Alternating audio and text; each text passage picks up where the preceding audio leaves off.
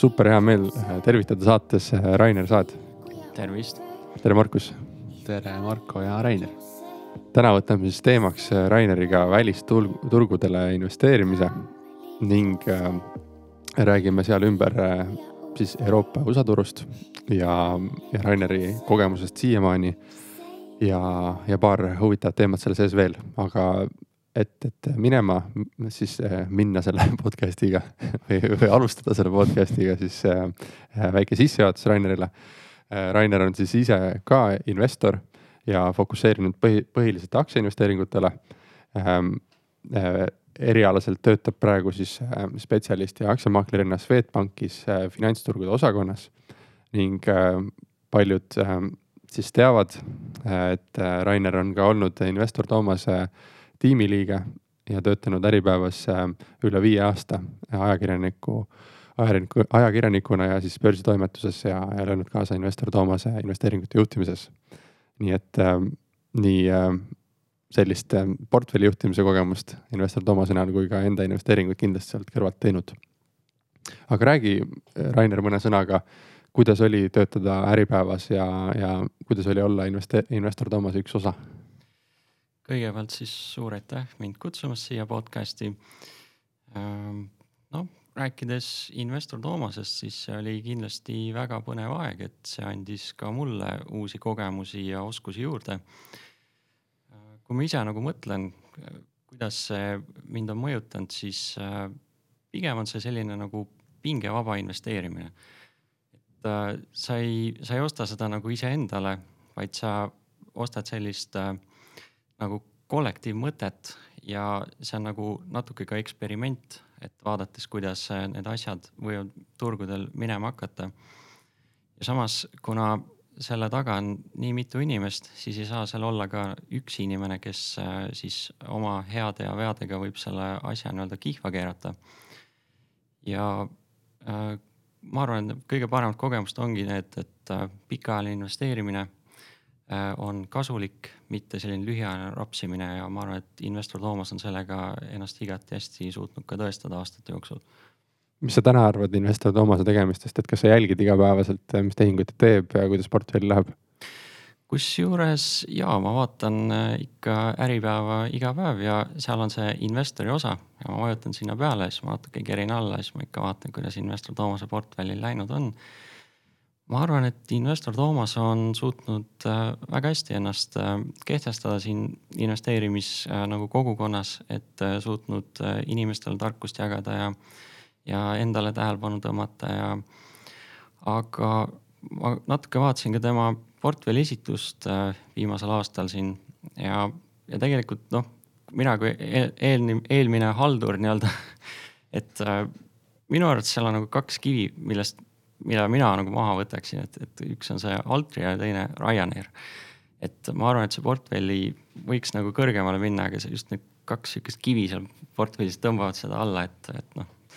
kui, kui mina saaks, siis ma võib-olla teeks sellise väikse muudatuse. miks sulle tundub, et need sellised kivid on äh, seal portfellis, et, et mingi hetk Ryanair siis näitas tõusu, aga, aga nüüd viimasel ajal on siis äh, langust ja, ja stabiilsust sellist, et äh, milles sinu arvamus? Mm, eks see ole see odavlennufirmade nii-öelda asi, et nad üritavad küll suure massiga peale lennata, kõiki teenindada, aga need kasumimarginaalid kipuvad teinekord väikseks jääma ja noh, Ryanair ju lennutab aastas üle saja miljoni reisija ja nad seal teevad uusi sihte ja ma arvan, et me vist kõik oleme sõitnud ka Ryanairiga siin. et äh, igati tipp-topp lennufirma, aga paraku see lennundus on selline, et väiksed kasumimarginaalid ja ja, ja see, see teine aktsia, see Altria, et seal investor Toomas ise ka just nagu äh, hiljuti kirjutas, et kriisiaktsia, mis kipub ise hoopis kriisi minema, et ta on küll sihuke nagu noh, patuaktsia, et, et ma panustan seda, selle peale, et kui peakski sihuke majanduslangus tulema, et siis noh, inimesed tõmbavad suitsu ja et noh, Altria on ju see Philip Morrise nii-öelda ettevõte.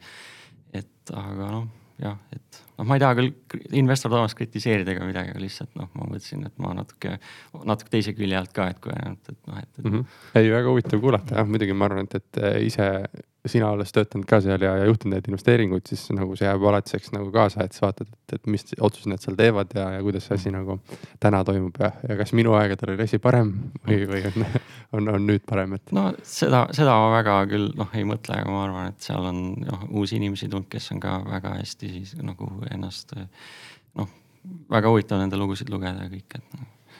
aga räägime natukene ka sinu äh, taustast investeerimises, et kaua sa oled investeerimisega ise tegeleda jõudnud? praeguseks ma arvan, et üksteist aastat, aga see ei ole niimoodi nagu konstantselt olnud. vaid äh, pigem see ongi niimoodi, et äh,, et noh, ma ei, ma ei investeeri kogu aeg, et kui mul läheb hästi või halvasti, et siis ma võtan selle raha välja, et siis ma investeerin nagu kohe uutesse mõtetesse, et nagu rullin positsiooni nagu edasi. et seda ma ei tee, et see on pigem ma ootangi, et turg ise tekitaks selliseid äh, võimalusi. ja just osta nagu languste ajal, et äh, noh, pea ees sukelduda sinna sellesse hirmu ja osta just neid põhjasid. et äh, no näiteks sel aastal oli, oli Swedbanki aktsia, kukkus väga kõvasti. ma mäletan, kui ma vaatasin jaanuaris, et, et oh, et ta langes kahesaja peale, siis mõtlesin, oh, et sealt, sealt võiks osta aga siis ma, ma nagu ei ostnud ja siis mõni kuu hiljem oli sada kolmkümmend juba alla selle, et, et noh, sealt sai nagu võetud sealt põhjast, et. et just siis, kui kõik oli nagu väga halvasti, et nagu, et noh mm -hmm.. aga kas, kas lisainfot või on sul Swedbankis töötades mingi lisatunnetus ka, mis aitas nagu otsust teha? ja, et äh, noh, sellist nagu siseinfi mul ei ole, et aga pigem see, et, äh, et on hästi toimiv ettevõte ja selline suur tugev ettevõte, et, et see nagu noh, just nagu andis minu arust nagu kindlust juurde mm. -hmm. aga on seal mingi suurem põhjus ka, et, et, et miks üksteist aastat tagasi alustatud sai või miks see investeerimine sinu siis hobide või elukorra, elu, elukorralduse juures nii suurt rolli mängib? kõige esimene investeerimine oli, ma mäletan Apple'isse. et see sattus minuni kuidagi nii veidrat teed pidi, et ma leidsin ühe tehnoloogia ajakirja, kus oli kirjutatud uuest iPhone'ist, mis siis äh, hakkas äh, noh välja tulema. ja siis ma nagu uurisin selle kohta, et, et see pidi olema nii revolutsiooniline ja kõik ja, ja siis ma mäletan, et äh, kui see välja tuli, siis see mulle nagu meeldis täiega, et just see toode. ja, ja nagu selle toote põhjal ma ostsingi Apple'it et noh, tegelikult ma ei teadnud siis mitte midagi nendest finantsanalüüsidest äh,, PE suhetest nagu noh, mitte millestki, et nagu, et see, et äh, pelgalt toote põhjal. ja, ja miks ma olen investeerimisega tegelenud ongi see, et, et üks endale ka siuksed väiksed isiklikud sihid, et äh,. Äh, et noh, kui sa paigutad raha kuskile kasvama, siis sa pead selle võrra nagu vähem säästma või siis noh, selle võrra vähem tööd tegema, et see raha nagu töötab sinu eest. ja et äh, on kahte tüüpi inimesi, et ühed on need, kes otsivad elus kindlust ja teised on need, kes otsivad vabadust, et võib-olla ma olen see, kes otsib vabadust, et võib-olla siis sihuke raha kasvatamisega kaasab ka selline soov nagu emotsionaalse vabaduse järele, et noh selline sõltumatuse tunne, et see ei sõltu otseselt mingist ähm, noh, näiteks töökohast. jah, et äh, noh, mitte, et mulle ei meeldiks tööl käia, aga noh, ikka on endal ka nagu kindlam tunne, et nagu, et. jah, ma arvan, et sellele me oleme siin proovinud arutada podcast'is ka, et et siis, kui ähm, investeerimisega tegeleda ja mida siis kaugemale jõuda, siis neid muid tegevusi tuleb lihtsalt nii palju peale, et pigem aega hakkab vähemaks jääma, kui, kui seda juurde tuleb, et. just, just jah. kuna oskused, teadmised ise kasvavad ja, ja võimalus panustada uutesse projektidesse mm. -hmm. aga läheme, läheks siis äh, portfelli juurde. ja, et äh, sa mainisid põgusalt, noh, võib-olla teeme siukse väga brief ülevaate, millest üldse su portfell võib-olla koosneb, et sa mainisid äh, Swedbanki aga mis sul seal veel leida on võib-olla sihukesel tasemel, kus sa soovid nagu avaldada ennast ebamugavalt ei tunne? Skandinaaviast on äh, ka üks äh, pank ja, ja Rootsist, äh, vabandust, Soomest on üks nii-öelda suur tootmiskontsern, et ma noh, ma ei, ma ei tahaks võib-olla nimest nimetada, et, et noh, sest ma ei, ma ei saa siin nii-öelda nagu soovitusi anda, et ma ei ole see inimene, kes nagu äh, võiks nagu soovitada, et siis on USA-st on tehnoloogiafirmasid, mida ma näengi selliste äh, nagu kiirete kasvuettevõtetena ja pigem need pangad jätaks sinna nagu dividendiaktsiatena mm. -hmm. et siis ma olengi võtnud sellise nagu lähenemise, et võiks olla nagu fifty-fifty. et äh, viiskümmend protsenti neid dividendiaktsiaid ja viiskümmend protsenti kasvuaktsiaid, ehk siis kui nendel noh, kasvuaktsiad tihtilugu võib ka nagu teistpidi minna, et nad ei pruugi tõusta nii kiiresti, kui noh, soov on ja siis on see tagavara nagu nende dividendiaktsiatel on olemas, et see on sihuke nagu äh, rahavoog nagu mm -hmm. on, on olemas äh,. lisaks olen ma selle aasta alguses alustasin äh, ühisrahastusse investeerimisega, minu arust nagu väga selline äh, noh, tore koht, kuhu noh, võib-olla tore on sihuke, sihuke võib-olla iseloomustav sõna, aga selline huvitav koht, et kuhu nagu raha panna, et äh, et äh, noh, ma võin öelda, et mul olid ka igasugust eelarvamust ühisrahastuse osas, et ma tundsin võib-olla, et, et see on selline koht, kus noh, pannaksegi mingi, igaüks paneb mingi kümme eurot ja siis umbes kamba peal saadakse mingi raha kokku ja siis see, kes selle raha saab, tõmbab kuskile minema, aga ma näen, et see asi on tegelikult palju paremini korraldatud, et äh, just kui noh, siin ma vaatasin, et crowd estate'il olid siin mingid probleemid ka, aga noh, samas need on nagu siuksed üksik, üksikjuhtumid, et ma ikkagi arvan, et see lai pilt on see, et ühisrahastus on, on tulnud, et jääda ja, ja, ja mulle see, see siiamaani on pakkunud nagu head tootlust mm. -hmm. aga kui tohib küsida, et milliste portaalide vastu sa ise tunned huvi või mida sa oled katsetanud või? mina olen praegu Mintoses, et noh, mulle meeldib see selline just selle portaali lihtsus. see, et seal on, ostetakse laenud tagasi, kui on kuuskümmend päeva, üle kuuekümne päeva viivises.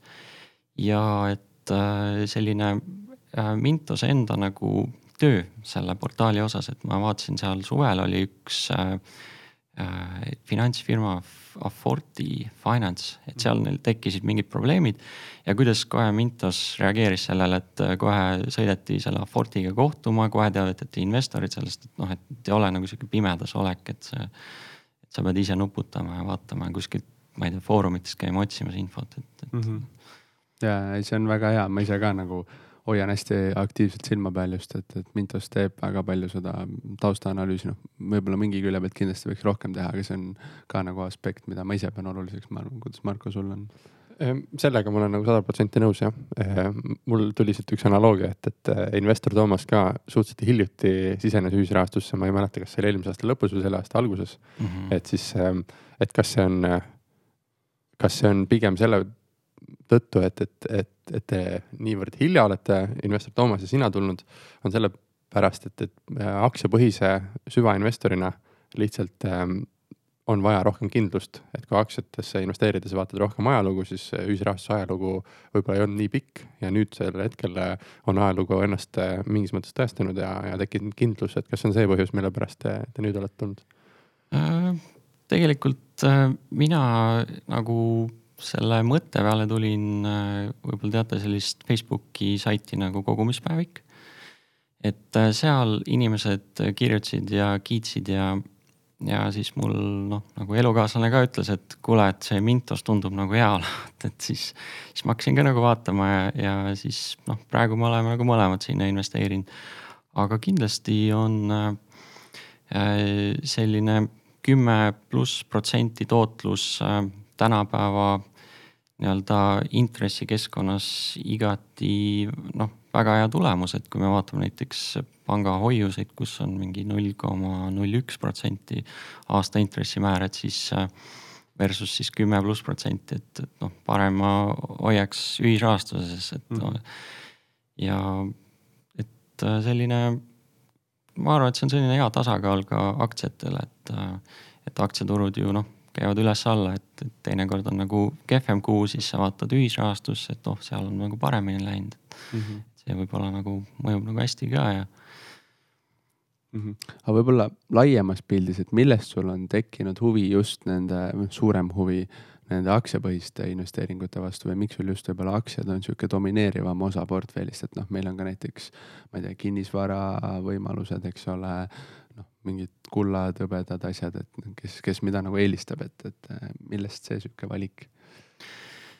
Mhm, enda nagu investeerimisteesi ülesehitamisel olen ma lähtunud sellisest kolmest nagu L-ist, et see on lihtne, likviidne, loogiline.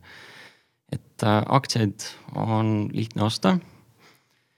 Nad on likviidsed ja samas, kui sa teed selle analüüsi ära, siis on ka nagu loogiline, tundub, et nagu, et miks noh, midagi tõuseb või langeb.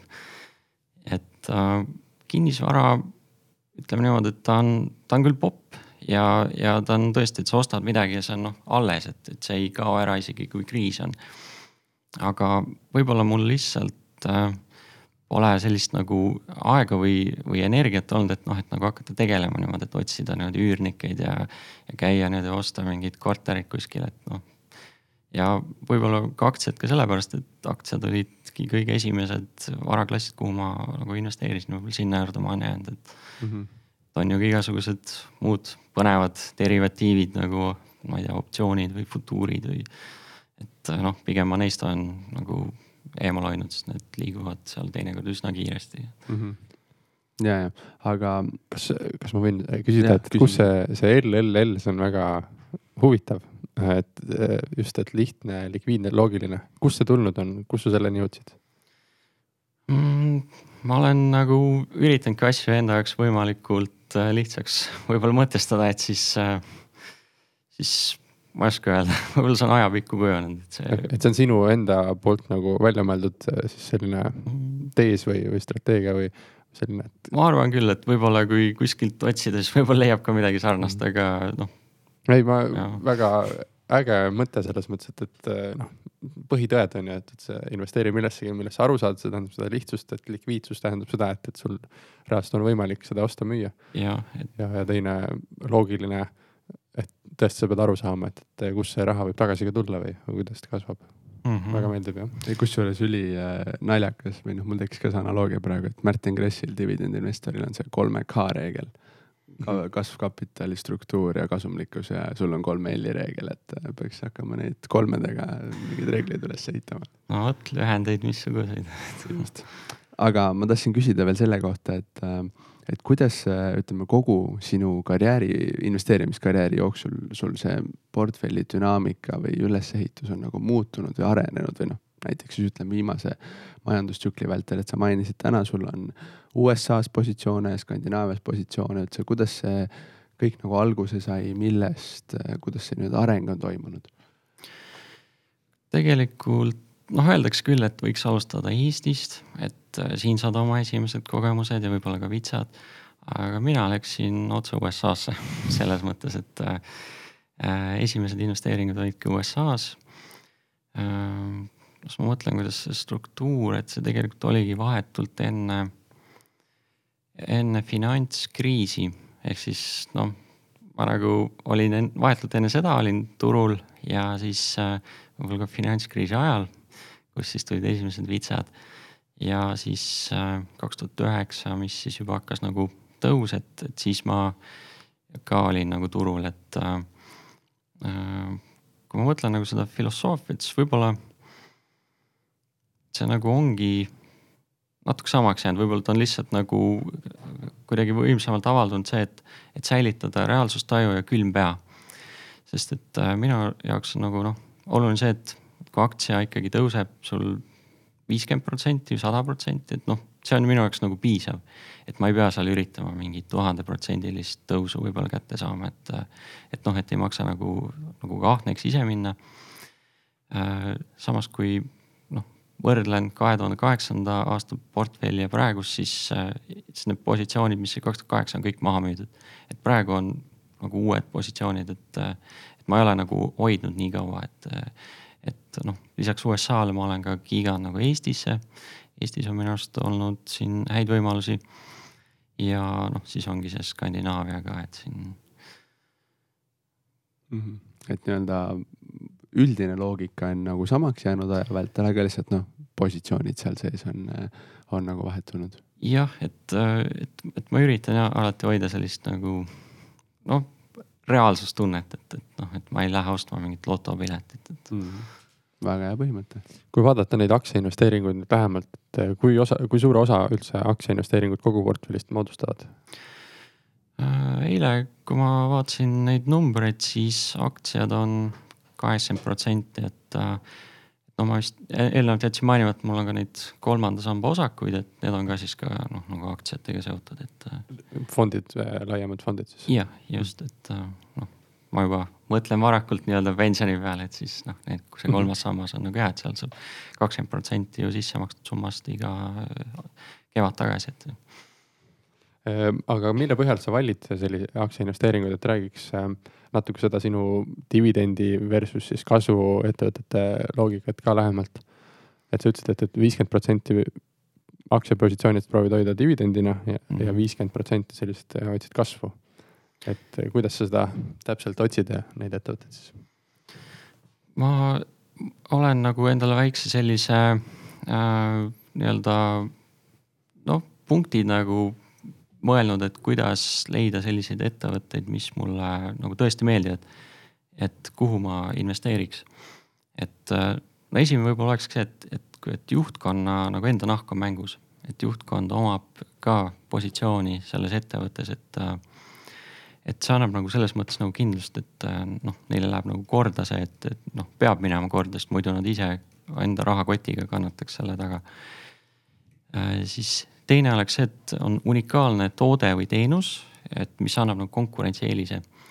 et ta ei ole lihtsalt äh, mingi tavaline ettevõte, mis võib-olla noh, jääb, ei torka silma, et ta teeb kõike seda, mida teised, vaid ta on just nagu innovaator. ta otsib uusi võimalusi, uusi kasvu, äh, seab endale uusi kasvueesmärke.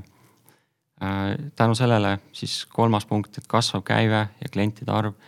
et see ikkagi näitab, et, et noh, ettevõttel läheb hästi ta genereerib raha. Äh, uued kliendid tulevad ettevõttesse. ja USA puhul ma peaksin oluliseks ka seda, et klientideks on Fortune viiesaja ettevõtted. ja, ja kui see arv ka kasvab, Fortune viiesaja ettevõtete arv nagu noh, klientide hulgas, et ka see on minu arust ka nagu väga positiivne. ja noh, eelkõige see, et ettevõte tegutseb kasvavas sektoris, et, et noh, kui need punktid minu jaoks nagu ühes ettevõttes oleks olemas, see oleks nagu ideaalne. aga kuidas leida häid dividendiaktsiaid, et ma arvan, et, et siin tulebki võtta see, see dividend yield mängu, et, et vaadata selle järgi, et.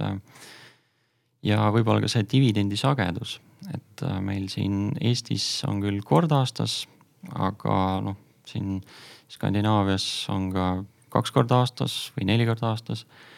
et ähm, et pigem siis äh, just see dividendi suuruse peale mängida ja vaadata võib-olla seda, et see aktsia ei oleks ajapikku nii nagu kõikuv olnud, sest et noh, me ei, me ei taha osta dividendiaktsiat, mis ka käib nagu alla, et nagu. kas sa lähemalt äh, ostu ja müügi hetkedel vaatad ka mingid äh, numbrid või mingeid graafikuid ka lähemalt?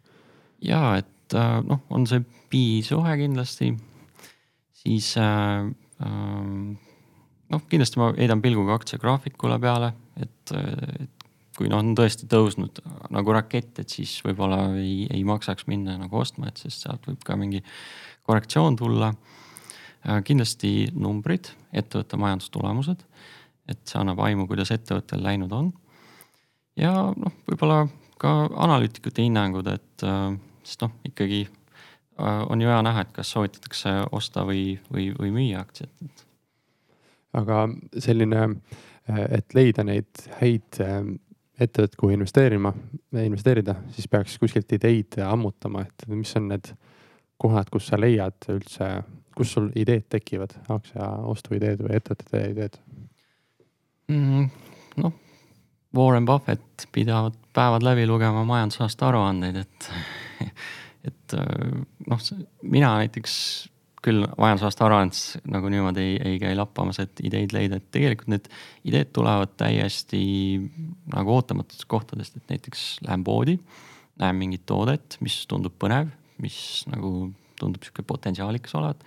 siis vaatan, et oh, et mis ettevõte see on, et kuule, see on ju börsifirma, et, et siis vaatan natuke numbreid ja kõiki neid majandustulemusi ja et äh, kui noh, toode meeldib, siis minu arust võib ka nagu aktsial hästi minna või siis teinekord satun mingisuguse reklaami peale, kus reklaamitakse mingeid ma ei tea, mingisuguseid üliägedaid läbilöödud mingisuguseid või noh, läbi, suure läbilöögi potentsiaaliga autorehve näiteks, siis ma vaatan, et kuule, et see firma on ju ka nagu börsil ja siis noh, näiteks sellistest täiesti, täiesti tavalistest kohtadest võib leida sellist nagu inspiratsiooni, et. Nagu on see nagu lõviosa, kus sinu ideed on tekkinud või, või vaatad sa kuskilt äh, filtritest äh, filtreerid läbi ka, et nüüd jäta sõelale kõik, kelle PE suhe on nagu nii palju ja kes on kasvanud ja dividendid on sellised, et teete sellist otsingut ka äh,? olen küll teinud, et äh, siin äh, kaks tuhat seitseteist lõpp oli, ma mäletan, oli see blockchain ja Bitcoin jube populaarsed. Ja siis ma üritasin enda jaoks nagu välja sõeluda, et mis võib see järgmine nii-öelda Amazon olla. Et, et mida osta ja, ja, ja, ja kust seda, seda suurt kasvu leida. ja siis ma natuke uurisin küll ja tegelikult noh, seal paistis vastu pigem see, et, et seal keegi väga kasumit ei teeninud. Kõik olid alles suures ootuses, et kohe varsti hakkab see kasv tulema ja, ja, ja, ja Bitcoin, ma ei tea, läheb saja tuhande peale ja siis, siis ma küll nagu kasutasin sellist nagu Exceli abi rohkem ja, ja noh, kuna mul on nagu võimalus ka kasutada seda Bloombergi terminali, siis seal on hästi palju infot, et hästi palju uudiseid ja kõike, et noh, lihtsalt trüki sisse ja sa leiad, et noh.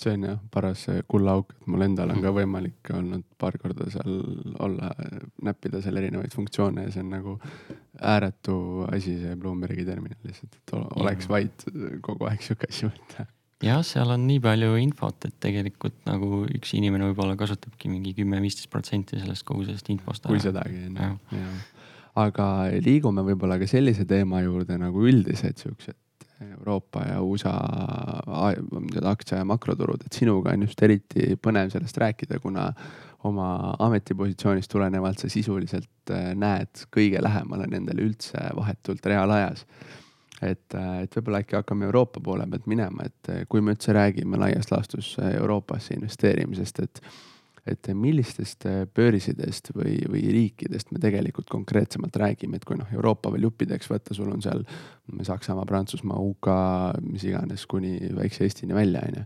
et, et millised on, millised turud Euroopas on sinu hinnangul võib-olla siuksed tõsiseltvõetavamad likviidsuse kasvupotentsiaali riskide mõttes no likviidsuse osas pigem ongi just need suuremad, et mis sa nimetasid, et äh, Euroopa, Saksamaa, Suurbritannia, äh, Hispaania, Itaalia. et äh, aga samas ma pigem võib-olla vaataks Euroopat sektorite või läbi üksikute ettevõtete. sest et noh, Euroopa on selline suur ja mitmekülgne, seal on igasugu erinevaid riike. ja noh, kuigi räägitakse Euroopa nagu stagneerumisest et Euroopa on nagu väsinud vana mees, mis noh, väga enam ei jõua ja, ja ma ei tea, kohe hakkab kõik majandus allamäge minema, et siis äh, tegelikult, kui neid üksikuid aktsiaid võtta ja nendesse investeerida, leida need head aktsiad ülesse, siis äh, ma vaatasin, eilne statistika oli see, et keskmine investeerimisfondi tootlus viie aastaga on olnud seitsekümmend protsenti. et tegelikult see on nagu väga hea tulemus olnud, et, äh, et kui vaadata neid Euroopa turge noh, võrrelda Euroopa turgudega, mis Euroopa turud on samal ajal teinud, siis see on ikkagi ju, ju igati hea tulemus, et mm.. oota, kas nende fondide strateegia on olnud siis nagu selline, et nad on just niimoodi üksikult pikkinud nagu mingisuguseid ettevõtteid Euroopa ja, börsidelt? ja et, et selliseid äh, tugevaid dividendimaksjaid, et noh, mis suudavad äh, tulla toime, kui makromajandus on nõrk, et äh, üks näide, noh, analüütikute näide on, et siis ka luksussektor et see just paisub Hiina jõukate klientide toel, et äh, võimalusi nähakse ka siis tervishoius, tarbekaupade sektoris mm -hmm. ning äh, siis ka noh, pooljuhtide sektoris, et, äh, et see on ka no pooljuhid, noh, kui siin korraks tulla USA-sse, et see on üks sel aastal olnud üks, üks nagu top sektoreid, et mm -hmm.. okei aga sa mainisid ka, et, et laiemas pildis äh, Euroopat peetakse siis sihukeseks stagneerunud vanameheks natukene. kui ma ise ka saadet ette valmistasin, siis ma tõesti võib-olla märkasin, et viimase majandustsükli vältel ennekõike Euroopa on tugevalt oma kasvu mõttes äh, sisemajandusliku kogutoodangu osas nagu alla jäänud USA-le ja noh, Aasiale kaugeltki või noh, Hiinale ja, ja Indiale et, et äh, mis sa ise arvad, kas sellistel nagu stagnatsioonihõngulistel väidetel nagu on tegelikult alust või on see sihukene, keegi kuskilt on jutu lahti lükanud ja siis kari jookseb järgi? kindlasti on õigustatud, sest et äh, Euroopa puhul ju on räägitud ka kaotatud kümnendist. et see majandus on küll pärast äh, suurt finantskriisi taastunud, aga see taastumine on nii killustatud. et näiteks äh, Ida-Saksamaal on töötus endiselt kaks korda kõrgem, kui see on Lääne-Saksamaal mõnedes piirkondades Lõuna-Aasia on endiselt nõrgem kui, vabandust, Lõuna-Itaalias on majandus endiselt nõrgem kui Põhja-Itaalias. et, et see kasv just ongi nagu koondunud selliste Euroopa nagu keskuste ümber. et just need suurte linnade ümber, just selliste suurte, suurte noh äh, majanduspiirkondade ümber, et sellist nagu toimub selline äärealastumine pigem ka sellistes äh, suurriikides nagu Saksamaa või Prantsusmaa või noh, Hispaania ja, ja noh ja, ja kindlasti see stagnatsioon kui selline, et, et ju miks on noh, Lõuna-Euroopas raske sellist reforme läbi viia, et seal on ju kohe inimesed tänaval, et see, et sellist nagu majanduse struktuure, struktuurimuudatusi on seetõttu nagu keerulisem nagu läbi viia ja, ja ma arvan, et sellist nagu vastuseisu sellistele reformidele on nagu väga palju just Lõuna-Euroopas olnud, et. et see just pigem nagu soosib sellist stagnatsiooni, et noh mm -hmm mm. -hmm. aga võib-olla, kui vaadata seda münti nagu teise külje pealt, et äh, oskad sa välja tuua mingisuguseid siukseid Euroopa unikaalsusi või tugevusi ka, et mida näiteks USA-l ei ole või, või Aasial ei ole mm.? või pigem on? pigem ma võib-olla tuleks nende globaalsete ettevõtete juurde tagasi, et, et just Euroopas ongi need globaalselt tugevad ettevõtted. Euroopa on suur turg ja siin on sadu miljoneid inimesi, et tegelikult ju noh, Lääne-Euroopa on ju väga-väga rikas, et, et, et seal tarbija jõuab osta, et, et mm -hmm. võib-olla see ongi see üks suuremaid plusse ja. ja ma arvan, et võib-olla ka see ühisraha euro, et, et see on lihtsustanud ju tegelikult noh, investeeringute tegemist teise riiki ja, ja et, et sihuke, sihuke piirideta majandus ka, et selline äh, Euroopa-siseselt, et, et see on igati kasuks tulnud, et mm. -hmm. Ähm, aga vaadaks, vaataks võib-olla natuke ka sinna võimaluste ja riskide poolde, et ähm, et, et ähm, kui ma lugesin ka saadet ette valmistades, siis ütleme, sihukeste väga oluliste riskidena nähakse Euroopa puhul siis A on ju kaubandussõjast tulenevaid mõjusid, äh, B Brexit ja C siis äh, noh, ongi niisugune madal võib-olla lõu-, euro, Lõuna-Euroopa madal äh, tootlikkus suhtena siis Äh, nende nii-öelda võlakoormasse SKP-sse. Et äh, mis sa hindad või ku, kuidas sa hindad ja mis sa näed, et, äh, et kas kaubandussõda on täna Euroopat mõjutanud või on see rohkem sihuke nagu meedia pealkirjade teema, et on, on see mõju reaalselt ka numbritesse nagu jõudnud? on küll, et just see, see kaubandussõja nagu selline foon on loonud ebakindlust ettevõtete tuleviku osas, et ja see kajastub ka majandusnäitajates, et siin viimased numbrid on olnud üsna nukrad, et, et me oleme näinud ka seal kohe reaktsiooni börsidel, et börsid võtavad suuna alla. et, äh, ma just hiljuti vaatasin, äh, mis siis Trump nagu Euroopale noh, nii-öelda on äh, kehtestanud, et siin ta on küll ähvardanud kehtestada tariife Euroopa autodele aga äh, oktoobri alguses siis teatas seitsme koma viie miljardi dollari väärtusest tariifidest Euroopa viskile äh,, juustule ja siis lennukitele, et see on eelkõige Airbus, et mm, -hmm. et äh, noh, Trump on oma samme astumas, et siin jah mm -hmm ehk siis nii-öelda, et ikkagi reaalne nagu mõju on täitsa taga olemas. kindlasti. aga vaadates Brexiti kontekstist, siis kas seal on ka tegelikult mingit sihukest täiesti finantstulemustest nähtavat mõju või noh, oodatavat mõju või on see rohkem ikkagi sihuke poliitilise tasandi debatt ja, ja sihukene meedias suured pealkirjad jälle? see äh,, vaatasin Brexiti kohta tehti kaks analüüsi, et üks oli selline lühiajaline analüüs, et mis võib saada ja teine oli pikaajaline analüüs, et mis saab siis, kui Brexit nagu saab tõeks äh,. lühiajaliselt nähti sellist nagu suuremat ärevust, et, et noh, et finantsturgudel toimub selline järsk langus ja noh, me nägime ka, kui see hääletus oli, et siis oli see reaktsioon väga suur. Briti nael langes, Briti aktsiad langesid. aga pikaajaliselt ikkagi nähakse seda, et, et kuna siis Suurbritannia astub sellest Euroopa Liidust välja, siis see mõjub negatiivselt äh, Äh, majanduskasvule, ehk siis see võtab mingeid protsente sealt äh, tuleviku prognoositavatest majanduskasvu äh, numbritest ära.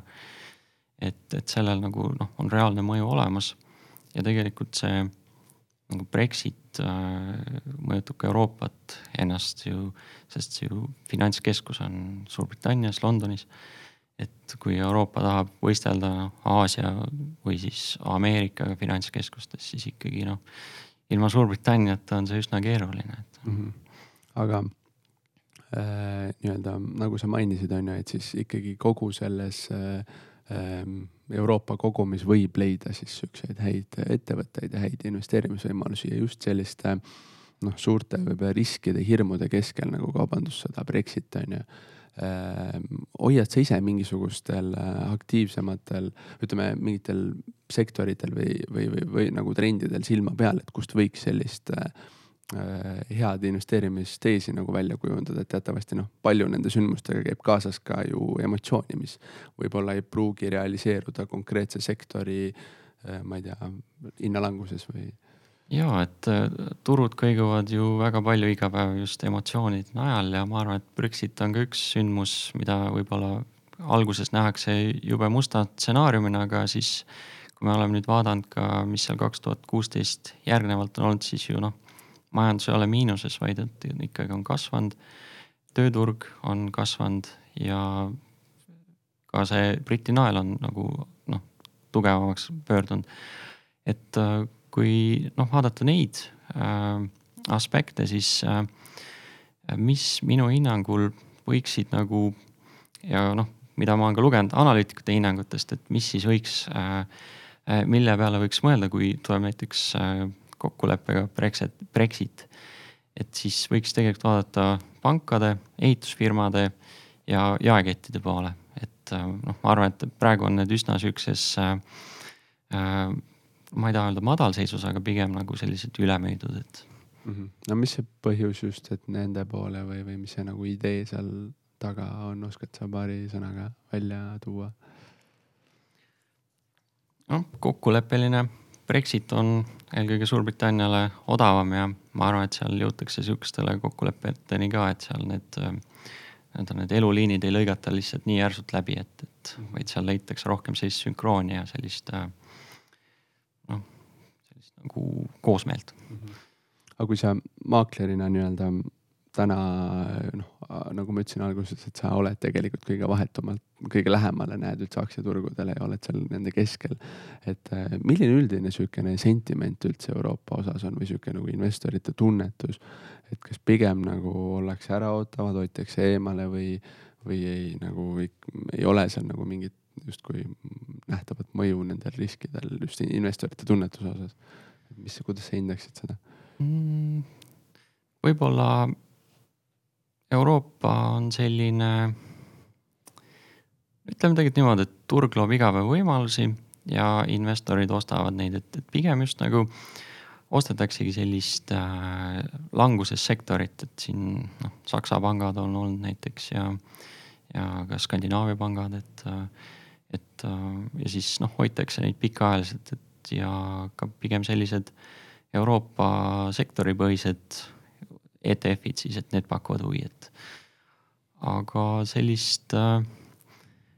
äh no võib-olla ka auto, autosektor Euroopas, et ju siin see Trump ähvardas neid tariifidega, et siis need, need, need aktsiad reageerisid võib-olla üle, et siis nopiti neid ka, et mm. -hmm. ja võib-olla selline noh, selle Euroopa teemaploki lõpetuseks, et saad sa mõne sihukese mõttekäigu enda mõnest Euroopa suunalisest investeeringust ka tuua, et ütleme, kuidas, kuidas või millistest sündmustest lähtuvalt sa sellele konkreetsele ideele tulid? mida sa, ma ei tea, analüüsi käigus näiteks vaatasid ja mis, mis on sellest positsioonist või ideest nagu tänaseks saanud, et konkreetseid ettevõtteid sa ei pea mainima, aga lihtsalt seda mind huvitab see mõtteprotsess seal taga, et kuidas sa, millistest sündmustest johtuvalt sa millegi peale nagu tulid ja kuskil võimalust nägid? mul kohe tuleks meelde võib-olla investeering äh, autotootjasse Porsche, et äh, Porsche on selline noh, tugev bränd. ja et äh, ma mäletan, et siin kaks tuhat üheksa oli ka siin, tal, tal oli igasuguseid probleeme oli Porschel, aga mul oli sihuke tunne, et see, selle autofirmaga ei saa midagi juhtuda, et ta on lihtsalt nii tuntud, et. ja siis ma ostsingi seda siin, kas see oli kahekümne seitsme või kahekümne kaheksa pealt ja. ja no sai väikse kasumiga maha müüdud, et tegelikult ma, see tees ongi sihuke hästi lihtne oli jälle, et sihukest nagu globaalset brändi osta, tugev bränd ja et, et noh, pigem sellist nagu noh, numbrite järgi võib-olla tol hetkel ei saanudki nii väga seda asja vaadata, sest sihuke üldine foon oli nagu niigi nii negatiivne ja, ja noh, siin teine, teine nagu ma eelnevalt mainisin, võib-olla noh, Swedbanki, et siin kukkus nii järsult, et lihtsalt tundus, et üle müüdud, et mm. -hmm et ütleme, rahapesuskandaal või need meediasündmused nagu rohkem äh, nii-öelda emotsionaalselt mõjutasid investorid, kui et tegelikult polnud asi nagu sisuliselt nii hull. ja et, et sinna aktsia hinda arvati tegelikult väga musti stsenaariumid sisse ka, et võib-olla üks see, et, et Swedbank üldse läheb siit Baltikumist minema, et noh mm -hmm. kui äh, võtta teemaks äh, USA suunalised investeeringud ka, et ähm, milline on sinu selline äh, suurem nägemus USA turust. Äh, USA on juhtiv äh, äh, globaalne turg, et, ähm, et võrreldes Euroopaga, millised nüansid seal on, kas see on pigem kasvuturg olnud või, või mitte? läbi ajaloo on tegelikult Ameerika olnud kõige edukam turg, et ta küll noh, alguses oli siis nii-öelda arenev turg, nüüd on arenenud turg ja ta, tal läheb endiselt, noh küll viimastel aegadel on siin sihukest nagu ebakindlust selle tariifide osas. et võib-olla need kasvunumbrid ja majandusnäitajad ei ole kõige tugevamad olnud, aga ta endiselt kasvab ja, ja, ja see plussid, mis just Ameerika nagu puhul minu arust kõige olulisem on see, et ta on suur riik, jõukad tarbijad ja seal on see tugev poliitiline tahe. ja samas seal on selline äh, hästi juhitud, et äh, ja, ja, ja ta ei ole nagu võib-olla nii killustunud, kui on Euroopa, et, et siin on nagu mitu erinevat riiki, et siin noh, üks äh, Brüsselis tehakse otsuseid ja siis riigid peavad veel selle kõik nagu vastu võtma, et seal on niimoodi, et äh, võetakse vastu ja, ja, ja ongi see asi nagu tehtud äh,. samas on ka nagu noh, stabiilne on Ameerika kogu olnud, et, et pigem ma arvan, et need on igati ideaalsed äh, nagu argumendid, miks Ameerikasse üldsegi investeerida. et sa ei pea kartma, et sa nagu jääd rahast ilma või, või dollariga juhtub midagi, et. kui, kui välja tuua mõned äh, võimalused, riskid, äh, et noh, riskide osas suurem, suurim risk on ikkagi kaubandussõda ja nendevahelist, äh, nendega toimuvad läbirääkimised, siis siis kuidas sa selle mõju näed lähiaastatel, kas, kas pigem on seal potentsiaali või pigem on seal ootamiskoht, et tuleks nagu äraootavalt oodata, enne kui midagi vastu võetakse? tariifi siuksed äh, vaidlused on või siis ka sõda, tariifisõda, see on tegelikult juba üle aasta kestnud. et see on kogu aeg, põhimõtteliselt iga päev võib vaadata, et mingid uudised, et, et nüüd otsustati seda, minnakse seda teed ja siis järgmine päev on hoopis kardinaalselt teistpidi. et kui me vaatame äh, aktsiagraafikut, et mis on toimunud nende suurte tariifi nii-öelda konfliktide ajal. et on toimunud langus, aga see langus on üles ostetud. ehk siis ma arvan, et kuigi aktsiad on, turud on praegu ajalooliselt väga kõrgel tasemel, siis ikkagi, kui mingi suurem langus tuleb, siis ma pigem arvan, et, et sealt võiks pigem osta. sest et ju majandusega midagi nii kardinaalselt valesti ei ole, et aga millised need võimalused on, et mõned sellised sarnased näited nagu tõid Euroopa kohta mm.? et nagu sektoripõhiselt või...? ja, et kus sina näeksid, et USA-s on, on huvitavaid kohti, võib-olla isegi mõned näited ettevõtete puhul? ma arvan, et, et just võib-olla natuke enda järgi võtan, et just selline äh, tehnoloogiasektor, et et, et mulle, minu jaoks on nagu sihuke tehnoloogiasektor põnev ja üks sektor eriti, et, et see sektori lühend on nagu SaaS, SaaS ehk siis software as a service. et see on selline, selline sektor, kus ettevõtted kasutavad teise firma poolt loodud tarkvarateenust pilveteenusena. et nad ei peagi ise ostma seda tarkvara sisse ja nad ei pea investeerima noh tarkvarasse, riistvarasse, vaid nad äh, kasutavad seda läbi enda arvuti ja see loob neile väga suure juurdepääsu erinevale tarkvarale ja see on aidanud nagu ettevõtete äh, kulusid oluliselt kokku tõmmata, et keskmiselt kakskümmend protsenti on see kulusid vähendanud. et ma näeks nagu seal sellist potentsiaali. Mm, sellele sektorile näevad ka analüütikud potentsiaali, et siin paari aastaga peaks see sektori maht kasvama saja viiekümne miljardi dollarini, mis on praeguselt üheksakümnelt miljardilt ikka noh, päris suur hüpe. ja, ja just ma tegelikult selle kohta ilmub äh, lähiajal sinna Kukrusse arvamuslugu ka, et, et ma nagu analüüsisin seda sektorit põhjalikumalt, et seal on ka mõned nimed.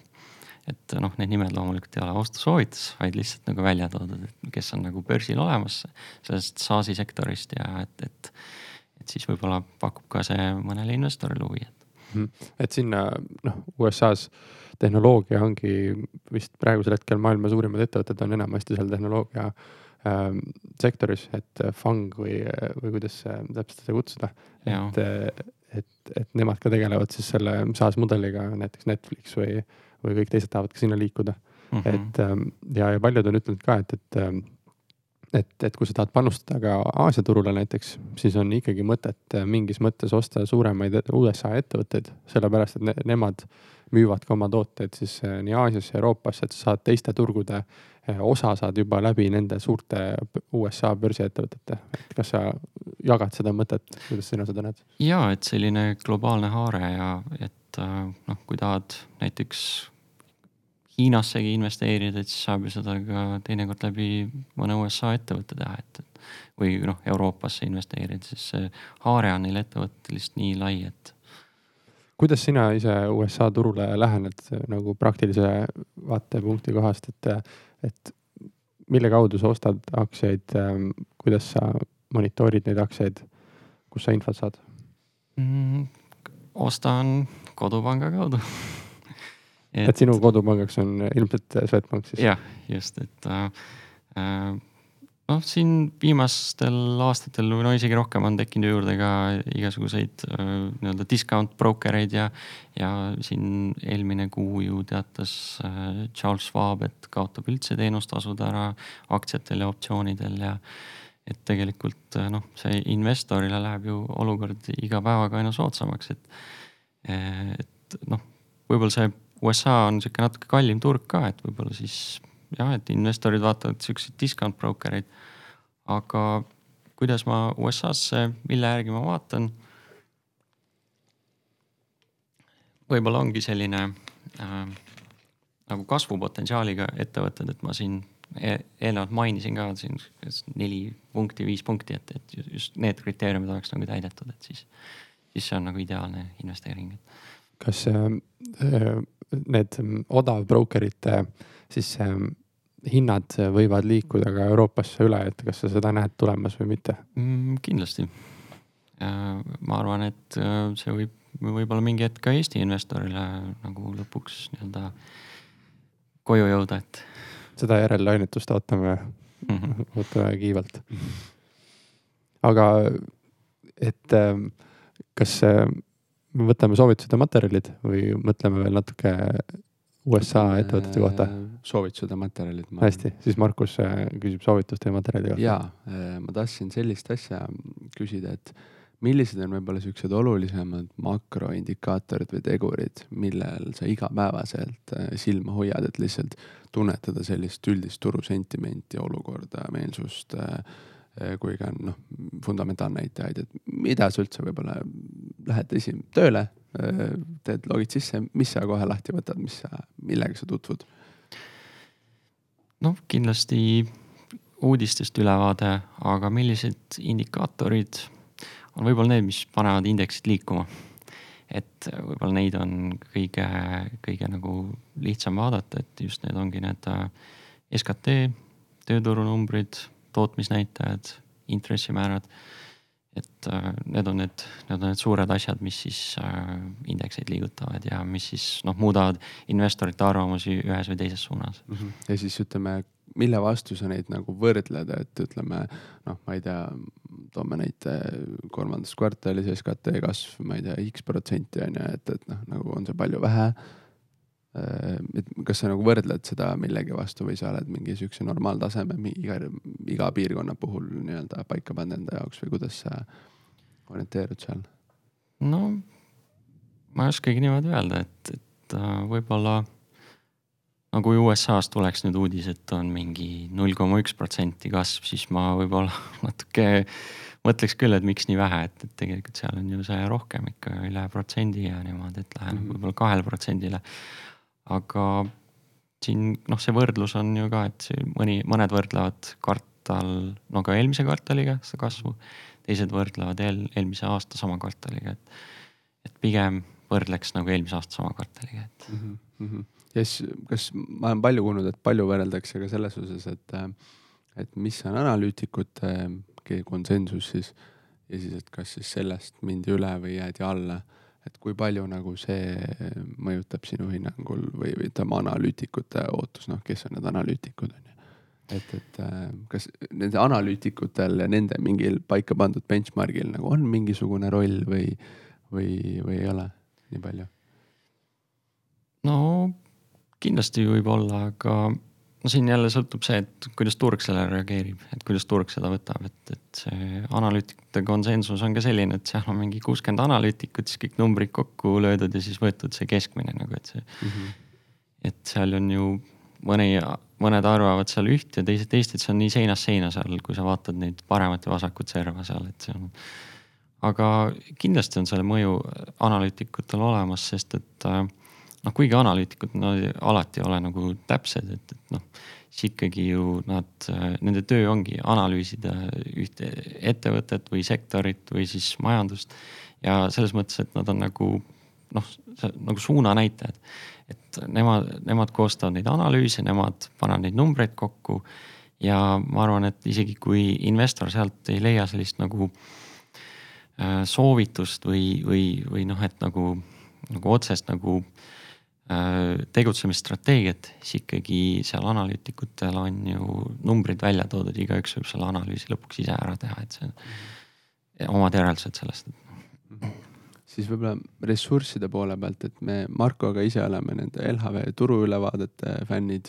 ma ise regulaarselt loen ka Kukkuri blogi kusjuures, aga ütleme millised siuksed nagu, kust sa infot äh, reeglina nagu ammutad, milliste äh, sihukeste portaalide või keskkondadega sa nagu sina peal oled või kust, kust sa enda jaoks sihukest kvaliteetset infot nagu saad lisaks Bloombergi terminalile mm,? ma olen selline, kes on kasvanud CNBC peal, et äh, ma olen seda televisiooni juba vaadanud seal, ma ei tea, aastaid, et äh, et mulle meeldib võib-olla see ülesehitus, et äh, noh, kindlasti saab seal vaielda, et see CNBC-s on ka mõnikord mingid veidrad uudised, et mis ei vasta tõele, aga, aga mulle mulle meeldib see selliste persoonide järgi, kes seal televisioonis esinevad ja, ja et, et üks võib-olla oleks CNBC, siis oleks äh, Wall Street Journal kindlasti.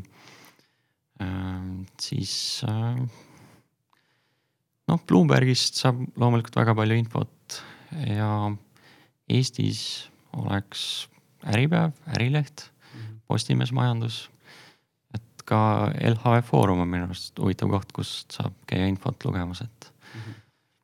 ja sa ise oled aktiivsemalt seotud ka ütleme noh, võib-olla see analüüsi tööriistade või sihukese professionaalse kasutaja vaatevinklist rohkem, et sihukese tootega nagu Kepler, et mm -hmm. mis see endast äh, täpsemalt kujutab äh, ja võib-olla kuidas investorid nagu saaksid endale abi või kasu leida sellest tootest või, või asjast ja et äh, Kepler Chevron on siis äh, investeerimispank, millega Swedbank teeb koostööd. ja nad, äh, Kepler siis koostab analüüse paarisajale Euroopa ettevõttele ja seal on ka sektori analüüsid ja, ja ülevaated, et, et meie võtsime siis sel aastal nõuks äh, analüüsida ka enim kaubelduid ettevõtteid siis meie pangas, enim kaubeldatud ettevõtteid, et siin on näiteks Telia ja Deutsche Telekom ja BMW ja, ja Soomes näiteks Neste või, või Fortum ja, ja siin hiljuti avaldasime H&M-i tulemuste kohta analüüsi, et see, et see siis tähendaks seda, et äh, Kepler, äh, Kepleri keskkonnast võetakse analüüs, see tõlgitakse eesti keelde ja siis avalikustatakse Kukrus äh, siis kõigile nagu tasuta. et siis noh, selle eest ei pea maksma, et siis ma arvan, et igaüks võib sealt enda jaoks noh, midagi põnevat võib-olla välja lugeda, et siin, kellel see portfellis on, et võib-olla tunneb ka huvi, et, et kui noh, siin Kepler tõstab soovitust või, või langetab soovitust, et mis see põhjus on, et mm. -hmm. Et sihuke nii-öelda väga professionaalsel high level tasemel on nii-öelda sinu eest nagu research ära tehtud ja asju kokku pakendatud nagu mugavasse loetavasse vormi. ja et, et see on, see on tõesti nagu mugav, et see, see, see Kepleri teenus on, seda on igati lihtne kasutada ka ja, ja, ja mulle see ka meeldib väga. kas seda on võimalik endale e-posti peale ka tellida? Äh, Kukru kaudu minu arust vist ei ole sellist võimalust, et ma pean uurima, aga, aga minu arust küll ei ole praegu jah. võib-olla hea mõttekoht, et ma ise olen harjunud eh, tarbimises on eh, niimoodi, et, et, et sulle tuleb iga hommik võib-olla üks selline ülevaade, noh, et ja. ma saan aru, et, et see Kepleri analüüs ilmub ka kord nädalas umbkaudu. ja et, et need siis, kui nagu ettevõtte kohta mingi uudis on tulnud, noh, Kepler on teinud selle kohta mingi analüüs, et siis see noh, kohe saab ka nagu tehtud, et et siis äh, ma küll ei oska öelda, kuna see sagedus on, aga, aga jah, et siin praegu on tulemuste hooaeg ka ja kindlasti siin tulevad mingid uued analüüsid selle kohta, nende ettevõtete kohta. et me paneme selle saatega kaasa ka ühe näidise, loodetavasti. milline üks äh, Kepleri selline snapshot välja näeb mm. -hmm. ja siis edasi teame, et siis Kukrust äh, leiab neid mm. -hmm.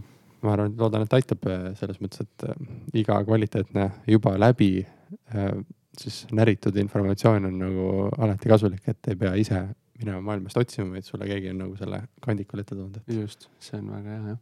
aga võib-olla, et kui hakata selle saatele nagu lõpunooti panema ja võttes siis kokku kõike seda, mis me siin tunni vältel praegu rääkinud oleme, et, et millised on sinu siuksed võib-olla kolm top soovitust või näpunäidet nendele investoritele, kes kes nagu plaanivad hakata nii-öelda välisturgudel investeerima või, või sinna sisenema või, või, või siuksed äh, nagu jah, teevad samme selles suunas? ma eile vaatasin, et mis on need äh, põhiküsimused äh, seoses välisturgudel äh, investeerimisega, et mis nagu noh, mida nagu küsitud.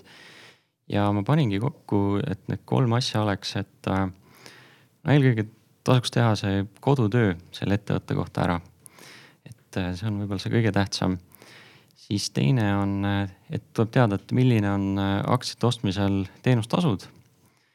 et noh, ost-müük, mõlemad on nagu teenustasuga, et, et kui sind ehmatab ära, et seal on näiteks paarkümmend eurot teenustasu, et noh, et, et siis sa eelnevalt ikka tead seda, et. ja kolmas on, on siuksed äh, maksu aspektid, et, et siin dividendide maksustamine, et ei tekiks sellist äh, topeltmaksustamise äh, nagu ohtu, et mm, -hmm. et tasuks nagu ennem nagu uurida maksustamise kohta ka mm -hmm.. okei okay., väga-väga head mõtted. Marko, on, on sul täiendusi või, või? ma arvan, et siitkohalt äh, mulle alati meeldib soovitustega lõpetada, et siis ja. nagu jääb midagi sellist äh, kohe tehtavat või rakendatavat äh, äh ülesse mõttesse. nii et äh, meie poolt igastahes äh, hästi suur tänu, et sa võtsid täna hommikul aja jah, äh, suur aitäh ka teile, et äh, kutsusite, et äh, oli, oli põnev ja ma sain siin nende küsimustega tutvudes ka ikka nagu sihuke suurema ülevaate nagu üldse noh, ka Euroopast ja Ameerikast, et siin. nii et rõõm on nagu vastastikune väga hea, suurepärane, aga aitäh sulle veel kord, et tulid ja, ja kõik, kes siis kuulavad, kes siiamaani on kuulanud lõpuni ära, siis saate vaadata pilti ka Youtube'ist, lugeda kirja kirjapildis siis meie blogist ja, ja, ja kõigis podcast ides äh, kanalites on see ka olemas. nii et äh, leiate igatpidi ülesse. suur tänu mm. -hmm. aitäh.